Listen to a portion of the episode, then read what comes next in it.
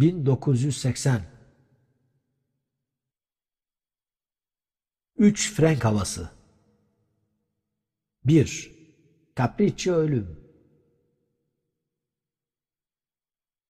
Gülünç bir ölümle öldü deniyor Max Stirner için.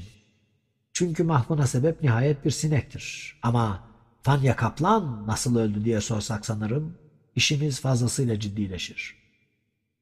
Bize ne başkasının ölümünden demeyiz. Çünkü başka insanların ölümü en gizli mesleğidir hepimizin. Başka ölümler çeker bizi. Ve bazen başkaları ölümü çeker bizim için. Ölümle şaka olmaz diyenler kıyasıya yanıldılar bu çağda. Taksitle ölüm diye bir roman yazıldı artık.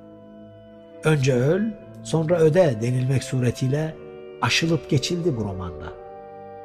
Doların dalgalanmasına bırakıldı bu çağda ölüm. Geceleri şehrin varoşlarında ikamete mecbur edildi.